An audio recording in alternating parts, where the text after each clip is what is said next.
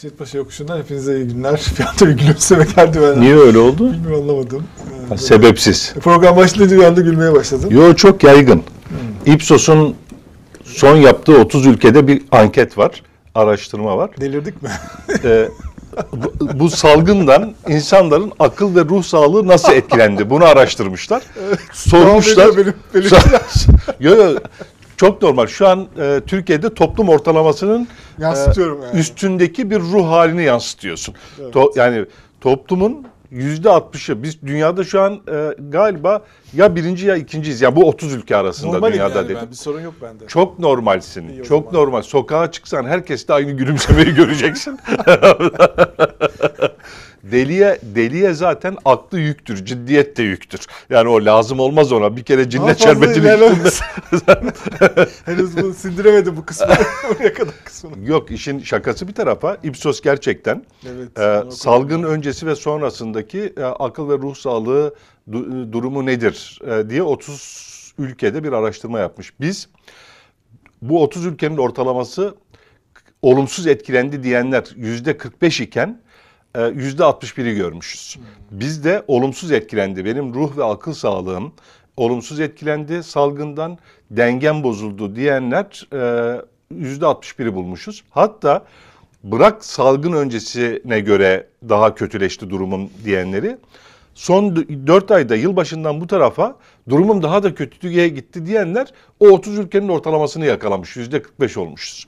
Dolayısıyla sende bir anormallik yok. Rahat ol. Çok.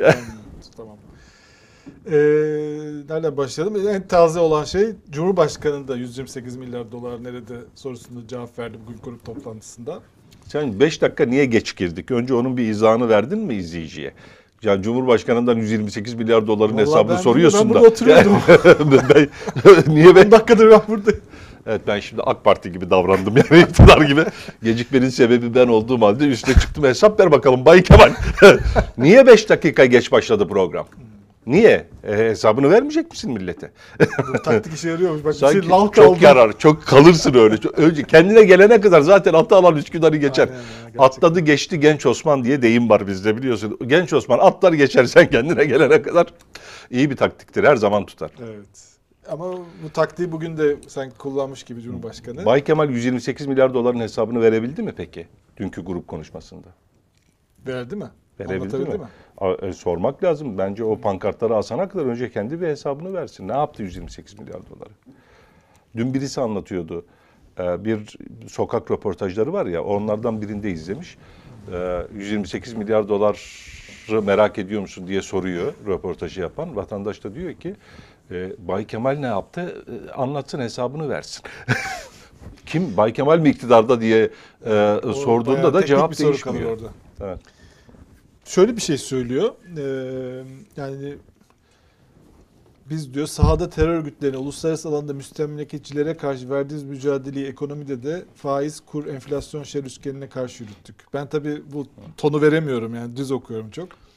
Bu mücadeleden dolayı bizi suçlayanlara soruyorum. Ne yapacaktık? Böyle davranmayıp da başımıza gelenlere rıza mı gösterecektik? Biraz bak toparladım şimdi tonu şey yaptım. Şanlı 15 Temmuz kıyamını adeta cezalandırmak için başlatılan ekonomik saldırıya seyirci mi kalacaktık diye devam ediyor. Böyle Suriye falan diye devam ediyor. Yani bak okuyunca iyileştin bak daha da Evet. kendine geldin. Aslında günde 3 doz bundan alsan yani olsan Coşku geldi bana. salgınla mücadeleye de faydası varmış demek Evet, ki ama? Cumhurbaşkanı bunu çok şey hararetli o- şey yaptı. Allah yani. aşkına bir daha okuyabilir misin? Çok önemli bir şey o. Ee, e, bölüm o. Yani 128 milyar Tekrar baştan mı? ne oldu? Aa, okuduğun son 3 cümleyi. Az önce Tamam. okudun ya 3 cümle okudun Ne zaten. yapacaktık böyle davranmayıp da? Başımıza gelenlere rıza mı gösterecektik? Şanlı 15 Temmuz kıyamını adeta cezalandırmak için başlatılan ekonomik saldırıya seyirci mi kalacaktık diyor. Bizim şeyde tam diyor ama sonrasında ben duydum e, işte Suriye'den de bahsediyor. Ona da seyirci kalacaktık. Buna da seyirci kalacaktık. Pandemi diyor. Ekonomik virüse çevirmek isteyenlere karşı diyor seyirci mi kalacaktık diyor. Yani Böyle anlatıyor yani böyle bir saldırı altındayız şeyini İlk- kullandı yine argümanla. 2007 27 Nisan e-muhtırasıyla mücadelede de kullanmış mıyız 128 milyar doları? O zaman evet öyle bir satış olmadı.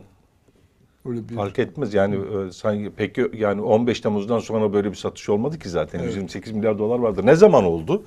Dün Ali Babacan Karar TV'de açıkladı. Hepimiz ne biliyoruz? çok ilginçti onun söylediği değil mi o kısım? Kesinlikle öyle. Evet. Hepimiz ne biliyoruz?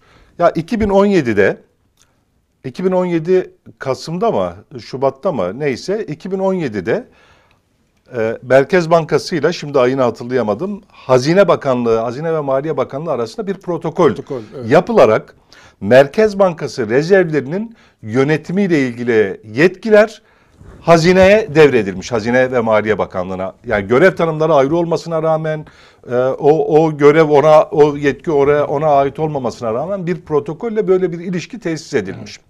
Hepimiz böyle biliyorduk ve dolayısıyla 2017 yılında hazırlanan e, Merkez Bankası rezervlerinin yönetimiyle ilgili yetkilerin Hazine ve Maliye Bakanlığı'na e, devredildiği o protokole dayanılarak yapıldı. bu 128 milyar dolar arka kapıdan satıldı zannediyoruz değil mi? Meğer öyle değilmiş. Meğer o protokol böyle bir arka kapı satışına izin vermiyormuş. Ee, o protokol bu anlamda bir yetki devri içermiyormuş. Daha sonra 2018'de 2018 20 Şubat'ında diye galiba Ali Bey tarih verdi Babacan.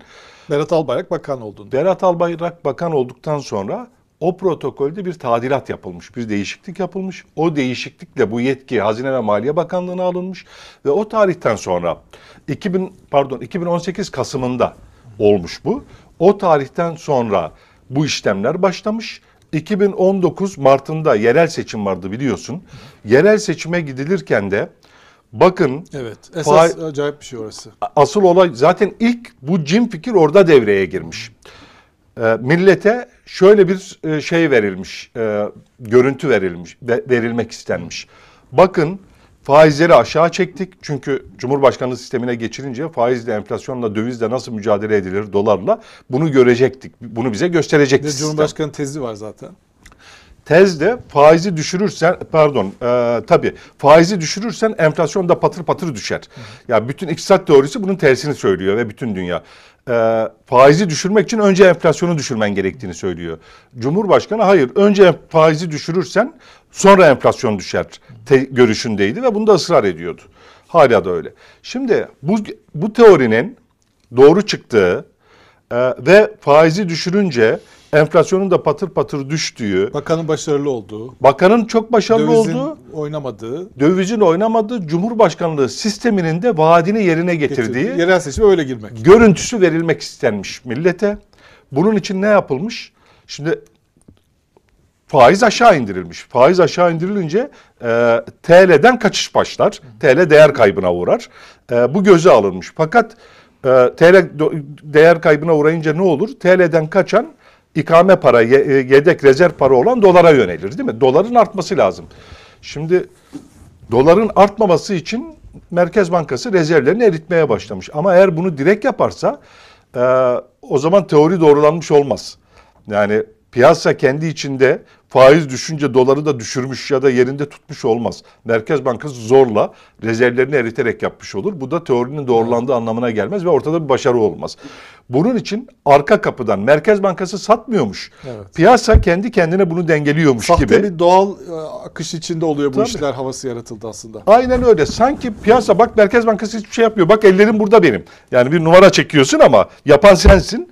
Fakat sihirbazlık numarası yani. Bak ellerim burada benim görüyor musun? Bak ben hiçbir şey yapmıyorum. Ama o arada birisi Aynen, doları baskılıyor. Birisi doların kafasına basıyor Çünkü böyle. ekonomimiz çok iyi gittiği için zaten işler E- yolunda gidiyor. İşler yolunda gidiyor. Cumhurbaşkanlığı sistemi çok e, başarılı. Bakan çok Yani başarılı. bunun için işte bu çok iyi anlatıyor bunu. Yani bu çok bu yani sırf böyle bir siyasi makyaj için bu rezervler harcandı. Gitti paracıklar. Bir işe de yaramadı. İlk ne oldu? o- Dolar şu anda 8.1. Tabii. İlk 30-40 milyar öyle gitti. Yani 2019'da e, ilk parti satılıyor. Sonra e, büyük çoğunluğu da kısmı azamı da 2020'de. Bu çünkü bir başlayınca alışkanlık haline Evet. geliyor. Bir daha E, yapalım, bir daha yapalım. şeklinde. Niye yapman gerekiyor? Çünkü doları baskıladıkça şey Türk lirasını faizi baskıladıkça Türk lirası değer kaybediyor. Türk liradan kaçış sürdükçe dolar artma eğilimi gösteriyor. Dolara talep arttıkça senin daha çok baskılaman gerekiyor. Sen baskıladıkça doları piyasa değerinin altında Halbuki tutuyorsun. görüyorsun da işe yaramadığını da görüyorsun. Devam etmiş ama. Doları piyasa değerinin altında tutuyorsun. Yani doğal olmayan suni bir kur oluşturuyorsun. Baskıladığın için suni kur cazip oluyor. Çünkü daha ucuza yani olması gerekenden daha ucuza dolar satılıyor piyasada. Evet. Dolara talebi bu daha da arttırıyor. Tuzlu su içiriyorsun ekonomiye. İçtikçe daha çok içmek istiyor. İçtikçe daha çok dolar almak istiyor. Böylece vatandaşın ve tüzel kişilerin dolar mevduatları TL mevduatının e, tarihi rekorlar kırarak üstüne çıktı. Hala da öyle. Hala artış devam ediyor. Buna ne sebep oluyor? Senin bu inadın. Yani başarısızlığı kabullenmiyorsun. İbrahim Turhan, Gelecek Partisi'nin ekonomisi Merkez Bankası eski başkan yardımcısı. Kedinin kuyruğunu yakalaması e, çabasına benzetiyor bunu. Yani kedi kuyruğunu kovalıyor, yakalamaya çalışıyor. Faizi baskılıyorsun, TL'yi baskılıyorsun, dolar patlıyor. Doğal olarak öyle olur etkisi bunun. Dolar çıkmasın diye doları da baskılıyorsun. Böylece dolara talebi sen baskıladıkça, sen doları aşağıda tutmak için döviz harcadıkça, rezervlerine erittikçe dolar daha da cazip hale geliyor. Yükseliş eğilimi devam ediyor. Talep devam ediyor. Yani akıl alır gibi değil. Bugün şey e, Kerim Rota dün Karar TV'deydi. Bugün de Fox'taydı. O çok ilginç bir şey söyledi. Yine bunu doğru bunu şey yapan bir şey. Şimdi en büyük dolardaki hareket ne zaman oldu? Bu Trump tweetinden sonra 2018 Ağustos'u. O zaman dolar 4 liradan 7 liraya kadar çıktı. Korkunç bir şey yaşandı. E, fakat o sırada hiç tek sent bile satmamış Merkez Bankası. Yani doları baskılamak için. Ne zaman satmış? Yerel seçimler öncesi. 5-6 iken yani düşmüşken e, 12 milyar dolar satarak e, şey yapmış. İlk partiliği öyle başlatmış. Tamamen yerel seçime dönük bir şey yani. Ama Merkez Bankası satıyor gözükmüyor. Piyasa Evet. onu görmüyor. Aynen. Sen baktığında Merkez Bankası piyasaya döviz satışıyla müdahale etmiş e, gibi bir fotoğraf görmüyorsun. Merkez Bankası "Aa, ellerim burada ben bir şey yapmıyorum diyor. Oysa satılan Merkez Bankası'nın rezervi kim satıyor? Hazinenin hesapları üstünden satılıyor. İlişki kurulmuş. Ben bir şey yapmıyorum diyor. Hazinenin hesapları üstünden kim satıyor? Muhabir bankalar. Ya kamu bankaları satıyor. Piyasa aktörleri, kamu bankaları da piyasa aktörü, ekonomik e, e, e, ekonominin aktörleri. E, onlar e, para piyasalarının aktörleri kendi aralarında alver yapıyorlar gibi görünüyor manzara. Ama bunu farkına vardılar bir noktada. Sonra Teşifre edildi. Bu işte John Ahmet'in devir daim makinesi diye Kerim Rotta ve diğer kişiler yazdı bunu. İnkar Ondan edildi. herkes evet inkar ettiler o zaman. Önce Şimdi inkar ortaya edildi. çıktı. Şimdi meğer 17 Temmuz'un etkileriyle mücadele için harcanmış. Şimdi ilk ortaya çıktığında ne oldu? Bir de şimdi hikayeye bakalım. Birden fazla izah var ortada. Yani ne oldu 128 milyar dolara? Herkemizin evlerinde diye bir izah bile var. Aynen suya düştü, su ne oldu, inek içti, inek oldu, ne oldu, dağa kaçtı, dağ ne oldu, yandı bitti kül oldu diyen var. Dağ ne oldu, yerli yerinde duruyor diyen var. Dağ nerede? O dağ hiçbir zaman orada olmadı, öyle bir dağ olmadı diyen Evet, var. evet. 128 Ondan milyar dolarımız hiç olmadı diyor. Hangi inek, hangi su e, diyen var. Yani Ne yapalım diyen var. Ne yapalım? Merkez Bankası'na döviz isteyeni vermek zorunda Ha, diye döviz susamış- neden var? susamış, susamış zavallı e, mahluk içirmese miydik e, yani e, diyen var, yedirmese miydik diyen var. Yani diyen e, e, e, ne dediğini ne kadar biliyor onu bilmiyoruz bir tek. Ama en son bunlar ikna edici olmasa Cumhurbaşkanı klasik teze geri döndü. Yani Bugün. saldırı altındayız. Bugün. Ne yapacaktık yani? Bugün. Tezine. Şimdi en klasik teze bundan önceki son iki tezi hatırlatalım mı? Merkez Bankası Başkanı'yla e, kim konuştu? Nurettin Canik'le AK Parti Ekonomiden Sorumlu Genel Bir Başkan de Hazine Yardımcısı. Bakanı konuştu. Arada. Yok e, ondan önce. En son son üç aşamayı üç. konuşuyoruz şimdi. Varyant va- şu- şu- Çok var. sadece virüs varyant değiştirmiyor. Yani mutasyon geçirmiyor. Hikaye çok mutasyon geçirdi. Son üç varyantı konuşuyoruz. Sayın Cumhurbaşkanı'nın bugünkü konuşması dördüncü. Dördüncü. En nihai varyant. Evet. Ye- yepis yeni varyant. Şimdi bu yepyeni varyanta gelmeden önceki son üç varyantı konuşuyoruz. Ee, Birinci varyant işte Merkez Bankası Başkanı konuştu. Ya dedi ki e, her şey ortada kardeşim yani gizli saklı bir şey yok. Her şey açık vesaire. İşte ya e, böyle böyle bir e, şeyle mekanizmayla şöyle şöyle oldu e, filan. E, Nurettin Canik de AK Parti Genel Başkan Yardımcısı ekonomiden sorumlu eski bakan. O da çıktı dedi ki ve her şey ortada. Bir kuruş kaybı olmadı. Zaten bu, bu paranın bir kısmı e, vatandaşların ve şirketlerin e, içerideki hesaplarında bir yere gitmedi, kaybolmadı. Yabancıya da gitmedi. Çok az bir kısmını yabancı çıkarken aldı götürdü. E, geri kalanı da yastık altında vatandaşın evinde. Yani 20 128 milyar doların nerede olduğunu arıyorsan Sizde diyor. merak ediyorsan yastığının altına bak diyor vatandaşa. yastığının altına orada göreceksin yani. Yani nereye koyduysan oraya bak diyor. Bankaya koymuş olabilirsin dolar olarak. Banka hesabına bize bak. soruyorsunuz ki diyor. Orada görürsün. Bize niye soruyorsun? Yastığının altına bak diyor gece yatarken. Kaldır yastığı bak göreceksin orada. Altın o diyor. Altın oldu senin yastığının altında. Bilmem ne bir yere gitmedi. TL cinsinden de duruyor diyor. Merkez Bankası'nda da TL olarak duruyor diyor. Soru şu zaten. Kime hangi kurdan ne kadar sattın? Ne kadar zarara uğradı e, kamu? Arada kayıp kaçak var mı? E, e, kimseye peşkeş çekildi mi filan bu sorular soruluyor. Bu soruların sorulmasının meşru olduğunu nereden biliyoruz? 2001 krizinde piyasaya müdahale için, kura müdahale için Merkez Bankası 5 milyar dolar satmıştı. AK Parti iktidara gelince 2003'te Meclis Yolsuzlukları Araştırma. Komisyonu'nun gündemine bu 5 milyar dolarlık satışı aldı. Ee, dönemin başkanı Gazi Erçel'di. Gazi Erçel'den hesap sordu mecliste ve yargılattı. Gazi Erçel görevi kötüye kullanmaktan e, ceza aldı. E, hem önden kur hareketlerini yani serbest kur rejimine geçişi önden bilip kendi e, e, TL hesabını dolara çevirmekle ama aynı zamanda da 5 milyar doları e, usulüne uygun mu usulsüz mü harcadı e, vurgun var mı yolsuzluk var mı peşkeş çekti mi bütün bu açılardan da e, hesap e, vermek üzere üstüne gidildi. Hesap sorulmak üzere üstüne gidildi. Sadece o kendi TL hesabını dolara çevirdiği için değil. İddianamesine de o 5 milyar dolar girdi. Hatta bir mesela mesai sonrası 120 milyon dolar bir satışı var Merkez Bankası'nın. Mesai saatinden, mesai bitiminden sonra bunu niye yaptın? Birilerinin haberi vardı. Haberli mi yaptın? Ha, dışarıda tüyo verdiklerin var. Ee, onlar bekliyordu. Herkes dağıldıktan sonra bu satışı yaptın da onlar mı aldı filan diye üstüne gidildi yani.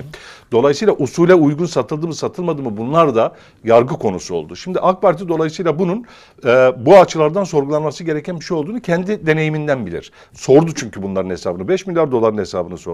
Havuz sorusu gibi bak. Yani e, 5 milyar doların e, e, e, karşılığı e, yargılanmak ve ceza almak yani ve görevi kötüye kullanmaksa e, iki musluk aynı havuzu ne kadar sürede doldurur? 128 milyar doların karşılığı nedir? Yani bir, bir musluk hem de cılız bir musluk 5 milyar dolar bu kadar sürede dolduruyorsan bunu yani iki musluk da yok burada. 128 milyar dolarda kaç tane 5 milyar dolar var? 20 25 de orada 25, e, 25 3 de 25 buçuk. 25 buçuk musluk bir musluk o kadar zamanda dolduruyorsa ne kadar zamanda doldurur? Dolayısıyla e, şuna geliyorum. Varyasyonları, varyantları konuşuyorduk. İki farklı izahlar var. Her şey ortada gizli saklı bir şey yok e, denmişti. Ondan önceki açıklama zaten Cumhurbaşkanı tarafından yapılmıştı. Ya e, salgının etkileriyle mücadeleye, olumsuz ekonomiye etkileriyle mücadeleye harcadık bunları. Bir de ekonomimize yönelik dış saldırıları püskürtmek için.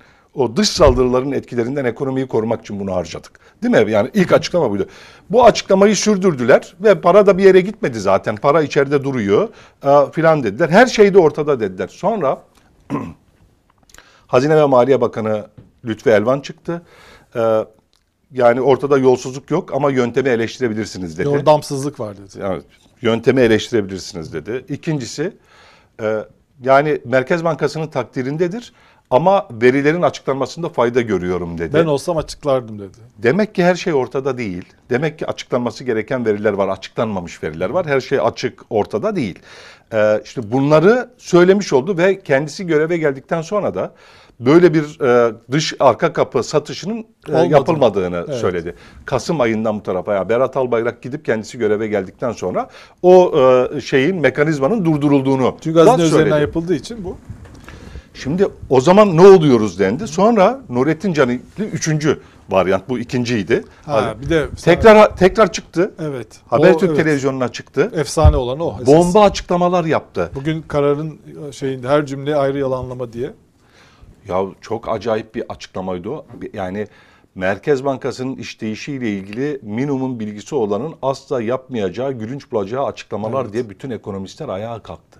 Böyle şey olur mu dediler yani. Ne yapalım diyor. Döviz isteyene para ver, döviz vermeyecek mi diye. Ben- şey ya söyledi İyi Parti'de İsmail Tatlıoğlu tweet attı. Ee, Görmüşsündür o bayağı şeyde oldu. Döviz bürosuyla Merkez Bankası, arasındaki farkı bilmiyor galiba diye. Merkez Bankası döviz büfesi mi? Herkes söyledi bunu. Merkez Bankası böyle satış yapmaz ki. Döviz büfesi değil. Yani piyasanın döviz ihtiyacını karşılamak için döviz satışı yapan bir yer değil ki. Fiyat istikrarına bakan, kur istikrarına bakan bir yer. Orası görevi e, fiyat kur istikrarı sağlamak yani. Enflasyonla mücadele Bir falan. de ama bu Cumhurbaşkanı mesela bugünkü işte hani ne yapalım bize saldırılara karşı yapmasa mıydık bunları diyor. Ama burada zaten sorun şu. Eğer bugün biz mesela bu sabah Atilla Yeşiladayı'yı ağırladık. O da bunu söyledi. Eğer bu arka kapıdan e, döviz satımıyla dolar baskılanabilseydi yani düşürülseydi gerçekten işe yarasaydı bu. O zaman ne denecekti? İşte böyle bir taktik hani kurallara uyulmadı ama yani döviz baskılandı. bir başarı olsaydı. Başarı evet yani takdir edilebilirdi hatta bu. Ama şu anda yani bu devam ederken de öyleydi zaten. Bunu yaptıkça e, dolar e, yukarı çıktı.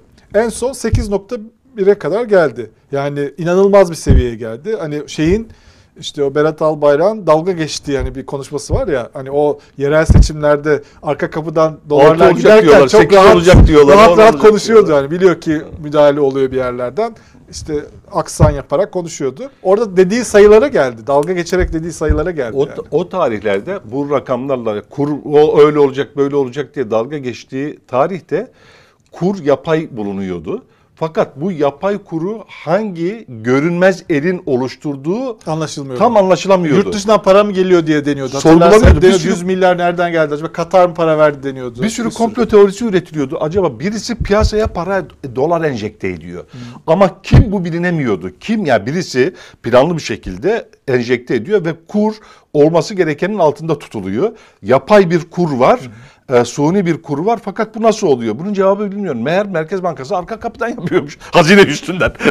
Şimdi aynen. sihirbazlık numarası yani. Şimdi bu sihirbazlık numarası bu gösteri uğruna 128 milyar dolar gitti. Fakat Gitti. Evet ama bir işe yaramadı.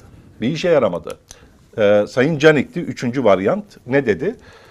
Ee, ya 35 milyar doları bunun 70 rakamlar burada 76, 35 ve 17 gibi rakamlar var. 128 milyar doları öyle açıklıyor. İşte bunun e, 70 ve 76 milyar doları kişi ve şirketlerin e, hesaplarında içeride duruyor dolar olarak. Onlar aldılar kendilerine ihtiyaçları var diye. Bunun işte 35 milyar doları yastık altında sizlerin son 20 yılda bir de alınmış dedi. 19 yılda toplamı 35 milyar. Bu da yastık altında sizin şeylerinizde duruyor e, e, sizin evlerinizde duruyor. Yani halkın cebinde elinde duruyor. Bu halka mal oldu. Biz bunu hani e, bir yere e, şey yapmadık yani yurt dışına gitmedi. Dışarıya transfer olmadı dedi.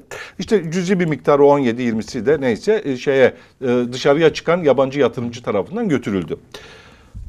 Şimdi son şeyi de buydu. Yanı sıra başka şeyler de söyledi. Yani 128 milyar dolar nerede diye sormak en büyük hakarettir. Evet insan hakları ihlalidir. Temel insan hakları ihlalidir dedi. İnanılmaz bir şey. Yani o. o inanılır gibi değil. Bu dede en büyük hakarettir. Ya nasıl 128 milyar dolar nerede diye sorarsın. Evet. Sen 5 milyar dolar nerede diye sormuş bir e, partinin bakanısın, genel başkan yardımcısısın. Yani Bunu nasıl 5 insan milyar dolar bağladı ya gerçekten? adamı Gazi Erçel yargılandı. İnsan içine çıkamıyor. Bak ortada görüyor musun? Bütün eski Merkez Bankası başkanları ortada Durmuş Yılmaz, öbürü Erdem Başçı, öbürü hepsi bir yerlerde görevde konuşuyorlar falan. Sesini bile çıkarmıyor. Yani nerede bilmiyoruz. Ee, niye? O, o yargılamadan sonra yani itibarı gitti. Şimdi bu yargılatmış, hesabını sormuş, Meclis Yolsuzlukları Araştırma Komisyonu'na havale etmiş bir partinin genel başkan yardımcısı olarak 125 milyar dolar o. 128 milyar doların nerede diye sorulmasının hakaret olduğunu, en temel insan hakları ihlali olduğunu söyledi. Çünkü diyor ki e, onların diyor e, orada öyle masum görünebilir diyor soru ama e, esas niyetlerinin onu nasıl açıkladıklarına bakmak lazım diyor. Oradaki soruya bakmıyorsun yani. İman, Kafalarındaki neyi- ne var? Neyi ima ediyorsun? Çağrışımın ne? Ne demek istiyorsun? Sen bana bir şey mi demek istiyorsun? İnanılmaz Ya en iyi ihtimalle beceriksiz e, den, e, denmek isteniyor. En iyi ihtimalle bunu yapana, bunun sorumlusuna beceriksiz denmek isteniyor. En iyi ihtimal bu. Sonrası devam ediyor. 5 milyar dolar harcayan Merkez Bankası'na sen geçmişte neler dediysen hepsi denmek isteniyor. Yani sen neler dediysen aynısı. Aç bak repertuar orada duruyor. Yani vurgun, peşkeş, o bu hepsi gidiyor. Aç bak. Şu hepsi denmek istiyor. Bunların elenmesine ihtiyaç var. Bunlar nasıl elenecek? Şeffaflıkla açık ortaya çıkacaksın tek tek bu soruya öyle böyle demeden düzgün cevap vereceksin. Diyeceksin ki o öyle böyle ha millet diyecek ki ya kardeşim sadece beceriksizlik var burada. Sadece iş bilmezlik var. Sadece o ikna olacak millet ona. Lütfü Elvan ne dedi? Bunu yaptı mesela Hazine ve Maliye Bakanı. Ya dedi ortada yöntemi eleştirebilirsin. Yani yöntem sakat e, bir yöntem olabilir. Fakat e, yani yanlış yöntem uygulanmış olabilir ama yolsuzluk yok. Kimseyi yolsuzlukla suçlayamazsın dedi. Mesela bu açıklamayı ciddiye alabilirim ben. Bunun üstüne konuşabiliriz yani. Fakat sen başka bir şey söylüyorsun. Bu hakaret bana bir şey mi demek istiyorsun? 128 milyar nerede? E, Onu demek istiyorum yani. yani nerede? Çok basit yani. Nerede? Ama onun altında imalar var. Bertaraf et. Bertaraf edecek olan sensin. Ele onları. İmalar, çağrışımlar ne? Ne olmuş olabilir 128 milyar dolara? Kötü ihtimalleri, en kötülerini ele, en az kötüsüne gelelim. Ama işte o Yani. on- onun e, şeyinde herhangi bir hata kabulü olmadığı için Lütfü Elvan onu yaptı. Ama Canikli onu yapabilecek bir durumda değil. Bir de burada şey de var yani e, tamam herkes cevap vermeye çalışıyor da esas cevap vermesi gereken iki kişi var. O dönemin Hazine ve Maliye Bakanı ve Merkez Bankası Başkanı. Bunlar yaptılar bunu. Onlar çıksınlar hiçbir sorun yoksa Aynen. çıksınlar desinler ki biz bunu şöyle şöyle yaptık. Ne saçmalıyorsunuz desinler. Yani kim ne diyebilir ki o zaman onlara? Kesinlikle öyle. Asıl konuşması gereken onlar. Zaten Hazine Maliye Bakanı Lütfü Elvan da bunu da ima etti. Ne dedi? Bir de muhalefet Sayın Cumhurbaşkanımızın talimatıyla bu 128 milyar doların satıldığını söylüyor. Bunlar palavradır, yalandır, dolandır gibi bir yalanlama yaptı. Yani alakası yoktur, iftiradır diye. E, geriye ne kalıyor? Kendisi Kasım'da göreve geldikten sonra durdurmuş. Bu arka kapı satışını yapmaya devam etmemiş. Ee, Sayın Cumhurbaşkanı'nın talimatıyla da geçmişte o 128 milyar dolar harcanmamış. Geriye kim kalıyor? Senin söylediğin gibi ondan önceki Hazine ve Maliye Bakanı ile Merkez Bankası Başkanı kalıyor. Yani onların çıkıp konuşması icap etmez mi? Onların çıkıp bir şey söylemesi lazım. Bunu niye yaptınız? Bunu niye yaptınız? Bu para sizin de milletin de. Yani bu millete Nasıl hesabı harcadığınızı anlatın. Millete bunun hesabı şöyle mi verilecek? Ya aç yastığının altına bak orada duruyor. Ya da orada bulamazsan e, e, hangi bankaya koyduysan git oraya bak. Banka hesabında duruyor. Bulamayan ne yapacak? Baktı yastığının altında yok. Banka hesabına baktı orada da yok. O ne yapacak yani? O zaman afiş asıyor. onun hakkında 128 olacak. nerede? Şimdi geliyoruz dördüncü varyanta. Bu e, açıklamalar niye mutasyon geçirdi, başka bir varyantı ortaya çıktı her seferinde? Çünkü bağışıklık sistemine tosladı. Bünye bunu kabul etmedi. Yani yok ya dedi. Şimdi öyle olduğu için hep başka bir şey denedi e, e, açıklayanlar. Bu dört, bu üç varyantta e, boşa gidince bugün Sayın Cumhurbaşkanı... Bunlar İngiliz Brezilya varyantı falan mı? Tabii, yeni Sanki nesil- 4 Hint varyantı gibi. Sayın Cumhurbaşkanı bugün yeni nesil son varyantla karşıya karşımıza çıktı. Söylediği şu. Ya 128 milyar dolar değil bir kere 160 küsür milyar dolara kadar e, çıkar bu hesabı yaparsanız eğer dedi. Bir kere rakamı yükseltti. Ee, niye dedi? Yani mesela altın yastık altındaki altın 35 milyar dolarlık diyordu Nurettin Canikli. Sayın Cumhurbaşkanı bugün daha başka bir rakam verdi. 50 küsür görebiliyor edemedim musun onu. Yok, açıklama? yok, ya daha yüksek. Bunun belki yani bir buçuk katına yakın bir rakam verdi. Yastık altındaki altın rakamı değişti. Bir kere 35 milyar dolarlık değilmiş. Bir de Nurettin Canikli bunu 18-19 yıl 2002'den bu tarafa Hepsi toplam. alınıp ya- yastık altına konan altın olarak 35 ton 35 ben ben 35 milyar dolar mı dedim? Ton mu? Bir saniye. Vallahi bilmiyoruz. O iş Sayıları şey karışık yapmıyor, ya. evet. Ben de evet ya. Yani 30 o milyar dolar altın. ithalat 30 yapıldı. mu? 36 milyar. 36 milyar dolar. Tamam 2 yılda pardon. 36 milyar Tabii. dolar altın ithalat yapıldı. 36 milyar dolar altın, 75 milyar dolar da banka hesaplarında duruyor demişti. Evet.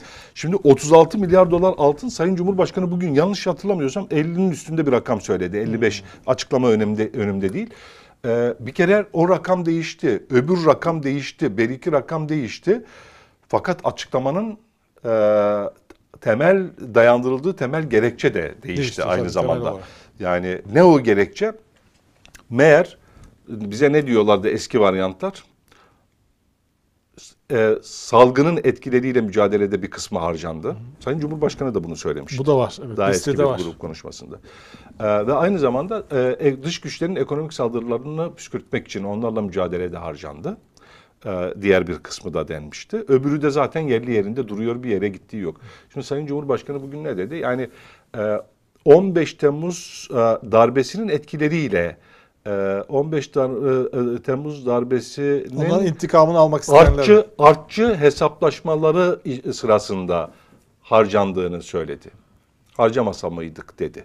Hikaye değişti, rakam değişti vesaire. Hangisi?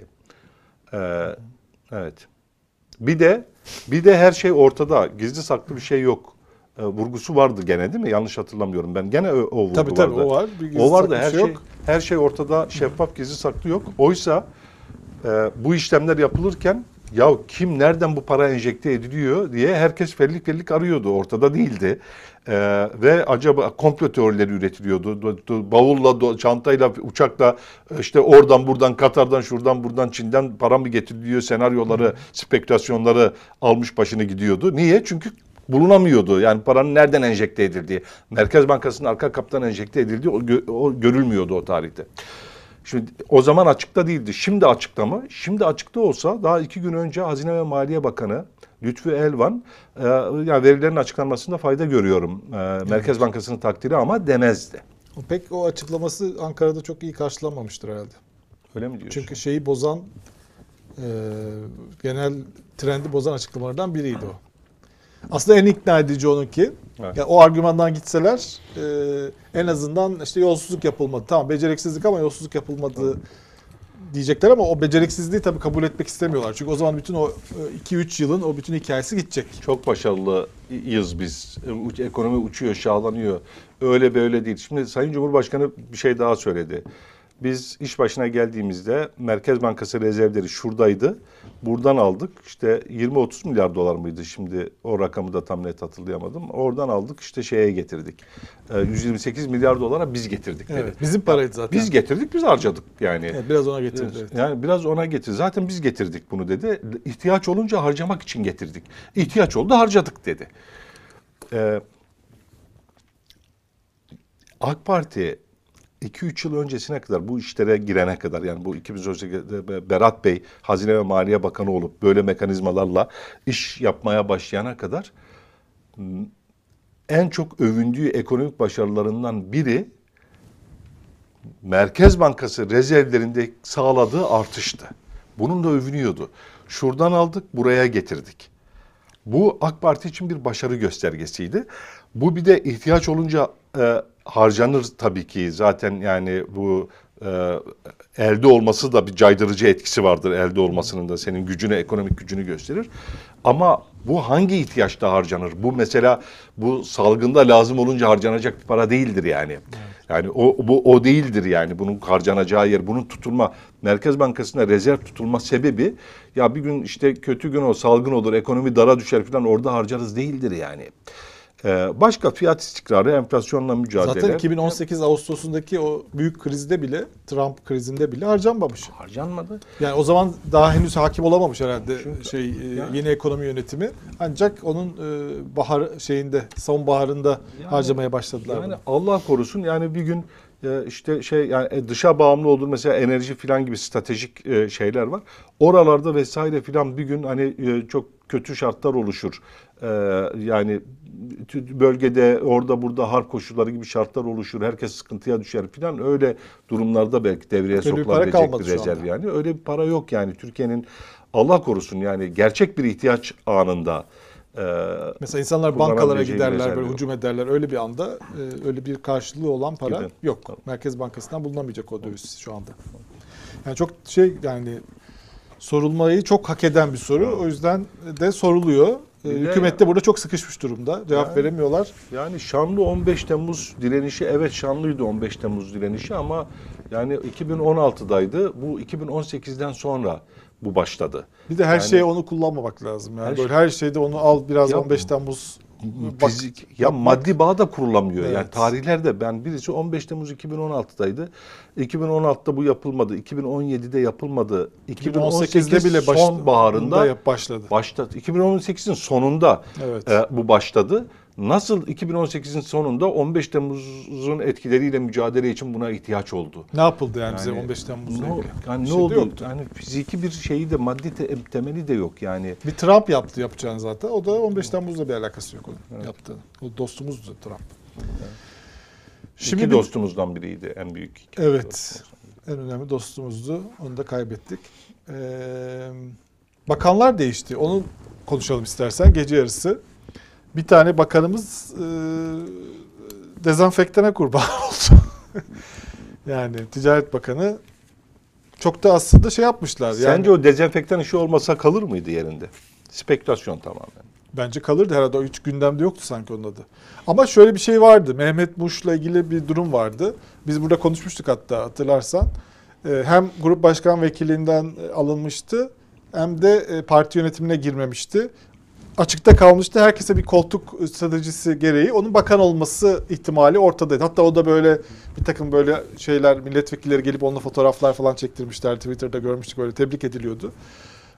Belki de öyledir ama bu dezenfektan şeyi tabii e, Ümmetin emanetleri var. Onları açıkta bırakamazsın yani. Onlar ümmetin, ümmetin emaneti. Onlar açıkta kalırsa ümmet açıkta kalır. Evet, doğru. Onun için onlar üşürse Emanete ümmet üşür. Onlar evet. tabii.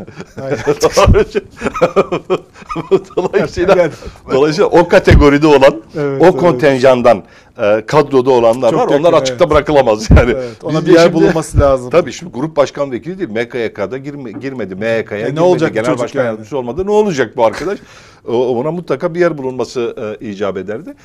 E, Berat Albayrak da Hazine ve Maliye eski bakanıyla e, yakın olduğu eskiden beri söylenirdi. Evet. Bu biraz da şöyle bir şey. Bakanlığa geri dönmesem bile hala bana e, yakın, sadık kalan e, arkadaşlarıma, ekibime sahip çıkabiliyorum mesajı bu aynı zamanda. Bunu gösteriyor. Hala onlara sahip Bir çıkacak. takım yönetim kuruluklarında da görülüyor. Tabii. Türkcell'de falan mesela bakıyorsun böyle eski onun mesela baş, şu an Türkcell'in başında Berat Albayrak'ın Hazine Bakan Yardımcısı var. Evet, yani hala onlara sahip çıkma, e, koruyup kollama gücüm var. Kimse yanlış hesap yapmasın mesajı da Evet. içeriyor bu aynı zamanda. evet. Siyaseten bakıldığında. Yani gerçi bizi aşan bir şey bu. Biraz Beştepeolog olmak lazım. Bizi bu Yani. mesaj ama bu Ama- mesajın muhatabı biz değiliz zaten. AK Partililer. AK Parti yönetim kadrosu herhalde. Yoksa Öyle halk sanırım. değil. Dolayısıyla söylediğin gibi e, Mehmet Muş'un bir göreve getirilmesi, bir bakanlığa getirilmesi bekleniyordu. Onda en fikrim. Ama mesela sen e, diyorsun ki hani dezenfektan skandalı olmasaydı Ticaret Bakanlığı'na değil de başka bir yere belki Çalışma Bakanı mı olacaktı o zaman? Bilmiyorum.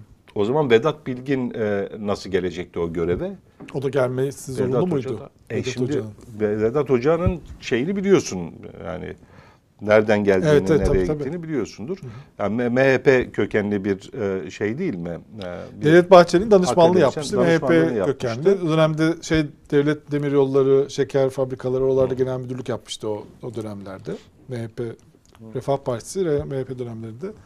Ama yani tabii ondan çok mesela ben onu akil insan heyetinde beraberdim. Yani MHP'nin karşı neler söylediği yani sürecinde- 63 e, hain e, dediği akil insan heyetindeydi. Doğru hatırlıyorum onu. Yani o çizgiden şeydi yani onun hani MHP O ile kontenjanla ilişkilendirilemez mi sen? bence değil. Yani yine de ilişkileri vardı MHP ile tabii ki ama yani herhalde öyle bir kontenjanda değildi. AK Parti milletvekili oldu. AK Parti yöneticisi oldu.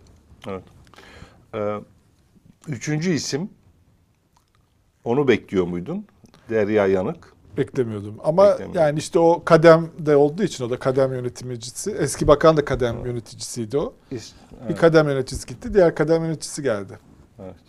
Biraz Kadın Aile Bakanlığı kademe şey. Hani nasıl Türk Hava Yolları Yönetim Kurulu üyeliği, TÜRGEV falan, Ensar Vakfı şeyleri. Böyle bizim anlamadığımız bir takım ağlar var yani. Oradan kadınlarla ilgili yani kadın e, aile bakanlığı denince onu kademden var mı bir isim herhalde deniyor. Öyle oluyor yani herhalde. Anladığım kadarıyla böyle. Bu kadar anlayabiliyorum meseleyi. Yani bu şey gibi yani e, diyelim ki hani filan bakanlıkta filan tarikatın e, etkinliği var deniyor. Yani mesela o tarikata mensup birisi bir görevden gidince yine o tarikata mensup birisinin mi gelmesi gerekiyor? Ya da diyelim kabinede Trabzonlu sayısı şu kadar. Evet, onu- Biri evet. değişti dedi. Evet, evet. Gene yerine bir sayıda gelmesi gibi. Trabzonlu'yu tutmamız gerekiyor. Yani korunması gereken dengelerden birisi de bu herhalde. Görmediğimiz dengeler var. O dengelerden birisi de bu. Çünkü mesela Ulaştırma Bakanı yani giden de Trabzonluydu, gelen de vesaire. Ticaret Bakanı e, Ruhsar Pekcan nereliydi onu biliyor muyuz? Bilmiyorum. Ben bilemedim Ben şimdi. Mesela bakmadım. gelen Mehmet Buş da Trabzonlu diye Trabzonlu, okudum. evet. Asıl- Eğer Ruhsar Hanım Trabzonlu değil idiyse Trabzonlu sayısında bir artış da oldu orada. Denge bozuldu. Ama Berat Yani beş Albayrak kişi- ayrılınca Trabzon sayısı azalmıştı. Orada bir denge sağlanması Ha, gerekiyordu. gene ama gene ha doğru. Lütfü Tabii, Bey nereli? Lütfü Bey Konyalı galiba. Konya'da. Ya Mersinli Konyalı oralardan Ha, bir. bir eksik bir sayı eksik. Tabii bu Oyun, Trabzon zaten sesi Trabzon- mutlaka tap tutturulması lazım. tamam, o, tamam. Sanırım o Çözdük. telafi edildi. Çözüldü. Yani sebep arıyor insanlar. Niye o değildi Adanalı. bu? Vedat Bey de e, Vedat Bey şey değil. Vedat Bey nereli? Evet Muş Trabzonlu da Vedat Bey'i tam bilmiyorum e, nereli olduğunu. Ama Karadeniz bölgesinden değil onu biliyorum. Hayırlı olsun. İki bakan, bakanlık da ikiye bölündü. Bayburtlu, Bayburtlu tabii. Vedat Bey Bayburtlu. Bayburt'tu. Doğru ga- öyleydi Evet, galiba. evet. Şimdi e, bir de bakanlık bölünmesi var. Evet o bölündü. Şimdi İki- O birleşmişti onlar. birleştirilmişti, tekrar 2018'de. bölündü. Ee, niye birleştirildi, niye bölündü? Şiddetli ihtiyaca- geçimsizlik. Hangi ihtiyaca binaen? Mesela iki kişi getirilmesi. Ha. Ruhsar Hanım mesela senin teorinden gidelim. Tamamen spekülasyon. Bunlar bize açıklanmadığı için bize alakadar senin teorin zaten. eğer doğruysa o zaman ben bu dezenfektan e, operasyon yani skandalı da acaba böyle bir şey mi? Çünkü ona gelir o zaman onun ucu. Nasıl o yüzden onu oraya yaklaşma, yaklaşamadım. Zamanlaması nasıl böyle denk geldi diyorsun Evet. değil mi? Çünkü yeni yapılmış bir alışveriş değil o yani. Evet değil evet. Yeni ama çıktı bu. İki Yeni sene çıktı. önce. İki, Bunların böyle çıkması da kolay değildir böyle şeyler. değil. Tam üstüne geldi. Yani bu tesadüf mü? Evet bu da sorulmaya değer bir soru ama Ama böyle bir ihtiyaç Acaba- var mı acaba? Gerekçe ihtiyaç var mı? Alır yani ne olacak ki? Yoktu olsun gene de. Acaba ama bunu sormak da mesela hakarete giriyor mu? Ee, ağır büyük hakaret ve insan hakları ihlali oluyor mu bilmiyoruz. Onu nereye soracağız? Ya bunu sorabiliyor Tam muyuz? olarak niye demek istediğine bağlı. Onu aklınla okunmaları Ne imam? lazım. Hiçbir Ne- imam yoktur. Sadece bunu demek istiyorum. Olmuyor öyle Ya olmuyor. olmuyor Mutlaka bu. vardır bir şey. Vallahi başka bir şeyler bir- bak gülümsemeden Ya- belli. ya- Sen diyorsun sen. Göz, gözlerim bir şey ima ediyor. Öyle masum bakmıyorsun. Gözlerim bir şey ima ediyor. ya evet maalesef. ya kendisi buralara geldi. istifa etmedi ama herhalde öyle bir kurumda kalmadı Türkiye'de. Yani istifa Hakkı var mıydı onu bilmiyoruz. evet ya, işte. istifa Ya çünkü iki gündür yerden yere vuruluyor. Ya bir de yaptığı açıklama inanılmaz bir açıklama yani. Bakanlığın yaptığı hani şey açıklaması. Yani aldık ama gayet iyi fiyata alındı. Ne ne şikayet ediyorsunuz ki bundan? Biz zarar ettik kardeşim şeklinde bir açıklama o. Ya benim benim sahibi olduğum şirket, benim yönettiğim bakanlığa, benim bakanı olduğum bakanlığa evet dezenfektan sattı ama daha ucuza sattı. Alternatiflerinden daha kaliteliydi, daha iyi mal. Bunu da personele dağıttık çünkü personele en iyisini tedarik etmekte mükellefiz. Dolayısıyla en iyisini yapmak için bunu İhalesiz yaptık dedi. diyor. İhalesiz tabii. İhalesiz bir e, bir Ne de var ki bunda Bir diyor? de rakam, bir de kardeşim abartıyorsunuz. Rakam o değil, bu diyor. Fakat vergisiz rakam, söylediği rakam ayrıca başka bir takım kurum ve kuruluşlara da satılmış. Onlar direkt bakanlığıma bağlı değil. Bu yalan iftira çarpıtma diyor. Rakam çarpıtıldı diyor. Bize bağlı olmayan e, bir takım kur- e, kurum ve kuruluşlara e, da benim şirketimin yaptığı satışlar sanki etik olmayan çıkar ilişkisi gibi yansıtılıyor diyor. Yani Yani şu şuraya hiç gelmiyor ama o kafa. özür özür dilemek gerekiyor Evet. kendisinden. Yani Tabii ya tabii. çok affedersin. Büyük fedakarlık yani yapmışsınız, Ha. zarar etmişsiniz. Biz de biz sizin üzerinize geliyoruz diye. Hiç şeyi düşünmüyor tabii. Yani eşimin şirketinden e, bedava dezenfektan bakanlığa dağıtılsa bile bu büyük bu bile sorun olabilecek bir şey. Bu burada akıllarına gelmiyor. Demek ki öyle artık oralar aşılmış yani. Eşinin değil sadece ikisi İkisinin ikisi beraber, beraber evet. resmen Evet. sahipler. Yani işin bir tuhaflığı da o. Büyük bir rahatlık var. Yani Eskiden bu insanlar bırakmıyor muydu bu şirketleri falan? Efendim? Böyle konumlara gelirken. Mesela ticaret bakanı olacak birinin Olmaz. ticaret yapmaması lazım herhalde değil mi? Bu çok mant şey değil mi? Ama ama şöyle şimdi kendini, Turizm, ha. kendini Ticaret Bakanı'nın yerine koy. Herkes O- işini yapıyor. Yani herkes işini yapıyor. Turizm Benim Bakanı başım turizm. gelme. Benim başım gelme. Bir de bürokratlar mesela bakana bağlı bürokratlar orada burada ikinci, üçüncü görevlerden de huzur hakkı vesaire Ne var bir takım diyorlar. gelir sağlıyorlar. Etik Çok yasal, diyor. yasal yasaya aykırı hiçbir şey yok. Çok çalışıyorum diyor. Şimdi hepsi alabiliyorlar. Bakan sadece bir tek maaşa mı kalsaydı? Yani şimdi onun huzur hakkı ne olacak? Ondan sonra bir de hep kendi işini yapan bakanlar var. O niye yapamasın? Yani Turizm Bakanı turizm e, e, e, şirketi acentası sahibi olabiliyor da e, işte Sağlık Bakanı'nın hastanesi olabiliyor da Milli Milli Eğitim Eğitim, Bakanı- Eğitim Bakanı'nın okulları özel okulu olabiliyor da Ticaret Herkes Bakanı, kendi alanında uzman. Ticaret Bakanı'nın niye Ticaret yapmasın. Niye şirketi ticaret yapamasın, olmasın bir şirketi? Yani Gayet bu açıdan mantıklı. bu açıdan baktığında e, bence o da e, öyle düşünmüştür herhalde. Yani bir şey yok var burada sorun olmuyor buralarda diye Ne düşünmüş. var O ki? çünkü yeni gelmiş biri bir de siyasete. Ne var ki? Bir de ne kadar üzücü yani. Yani Evet. yeni siyasete dışarıdan gel- gelen bir insan işte zaten kadın siyasetçi de çok yok. Yani ne olur yani biraz kendinizi tutsanız biraz Hani bir örneklik teşkil etseniz yani. Ama- Çok mu zor bu işler ya? Ama geçen gün ömürden geri gelmiyor. Bir de musluk akarken doldurursun şimdi ya sonra akmazsa Öyle düşünülüyor ya yani. sonra akmazsa. Ee, İstifa etmedi görevden ama şey etmedi. denildi. e, Görevine son verildi. Acaba o bir teknik tabir mi yoksa orada bir tavır var mıydı? Kararnamede görevine yok, son yok, verildi yok, yazılıyor. yok, yok, öyle mi öyle öyle. artık? Başka değişiklikler de daha önceki mesela Ulaştırma Bakanı değişikliğinde de filan İşte onda da vardı. O da filanın öyle- görevine son verildi yerine filan atandı diye O zaman yazılıyor. ona da şey yapılmıştı ama galiba Berat Albayrak affedildi yazıldı değil mi? Onda, onun Berat görevine son verilmedi. yok görevine son verilmedi. Görevden e, Affını affını, istedi. istedi. Görevden af talebi kabul edildi.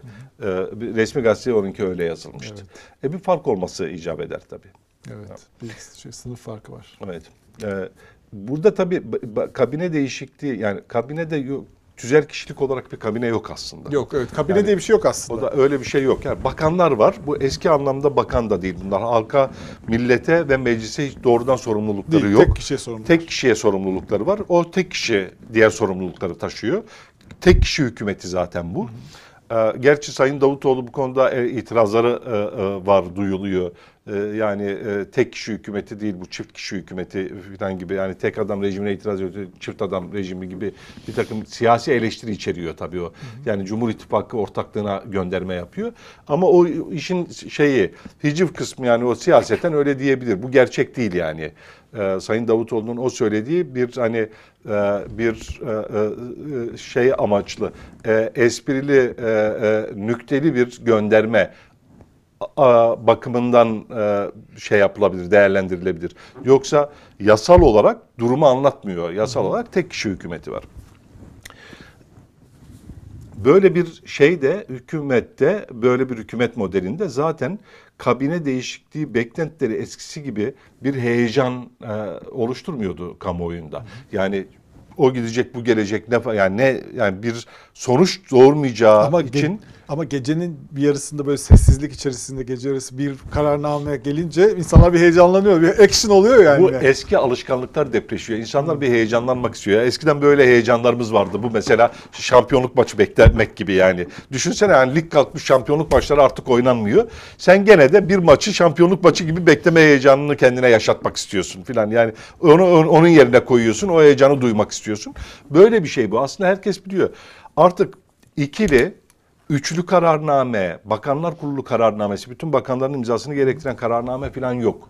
Tek imzayla kanun hükmünde kararnameler, e, Cumhurbaşkanlığı kararları alınıyor tek imzayla. Dolayısıyla bakanların yani ikili kararnameye imza atması falan gibi yetkileri de yok. Bu sebeple e, artık müstakil siyasi şahsiyet de olmadıkları için, e, yani öyle bir imkanları bulunmadığı için yani o gitmiş bu gelmiş eskisi kadar anlam ifade etmiyordu etmiyor. Birincisi bu.